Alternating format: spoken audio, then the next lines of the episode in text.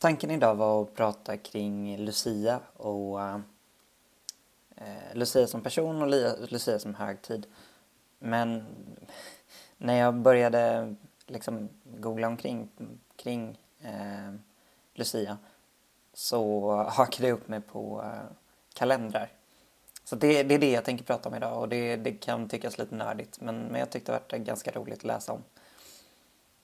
Och anledningen till att det blev så var att eh, en av de första grejerna som stod i Wikipedia-artikeln om Lucia var att en, en av anledningarna till att vi firar Lucia är att eh, Lucia inträffar samtidigt som vintersolståndet i den, ska jag säga så att jag säger rätt, julianska kalendern som Sverige och många andra, alltså stora delar av Europa hade på eh, 1300-talet tror jag det var på 1700-talet när det riktigt tog fart.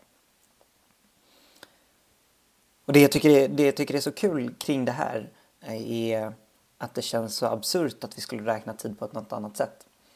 Jag kommer ihåg att Izzard hade en, eh, eller har en rutin kring, ja men kring precis det. Han, dels pratar han om eh, BCAD-övergången och hur man liksom så här levde på minustid innan men inte efteråt. Alltså att man levde eh, år minus ett. Det var ingen som tänkte det då men, men nu gör vi det. Och att sen liksom prata kring, det finns ju folk som fortfarande använder eh, månkalendrar, alltså lunar calendars, eh, som den islamska kalendern till exempel går efter måncykler.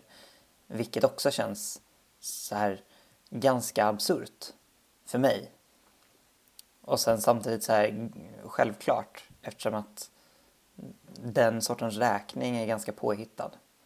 Vi hade lika bra kunnat gå efter att klumpa ihop sig höst, vinter och vår, sommar och ha dem som, alltså våra halvår som år.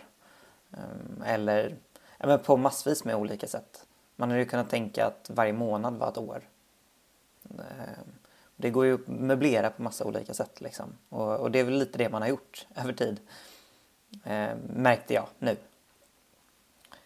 En annan grej som jag eh, blev lite konfunderad över var att vi i Sverige har bytt kalendrar tre gånger. Och under en period så bestämde man sig för att i övergången mellan julianska och gregorianska där det bara skiljer, man har skjutit på dagarna, jag tror det var 13 dagar. Eh, så att i den julianska så ligger man 13 dagar före. Men i, i övrigt så ser de likadana ut. Det är 365 dagar och skottår var fjärde år. Mm. Men då i Sverige när vi hade en övergång från julianska till gregorianska så skulle man eh, införa ett extra stoppår i 11 år för att komma ikapp. Och sen glömde man bort det. Det var ju så här, från 1700 till 1712 tror jag man hade, hade det här systemet. Eh, och sen 1712 så Ja, man glömde bort det mellan 1704 och 1708 och sen så 1712 så bara hoppade man fram, fram fyra dagar. Så att, eh, jag tror det var 18 februari blev, eh, somnade du och sen vaknade du första mars.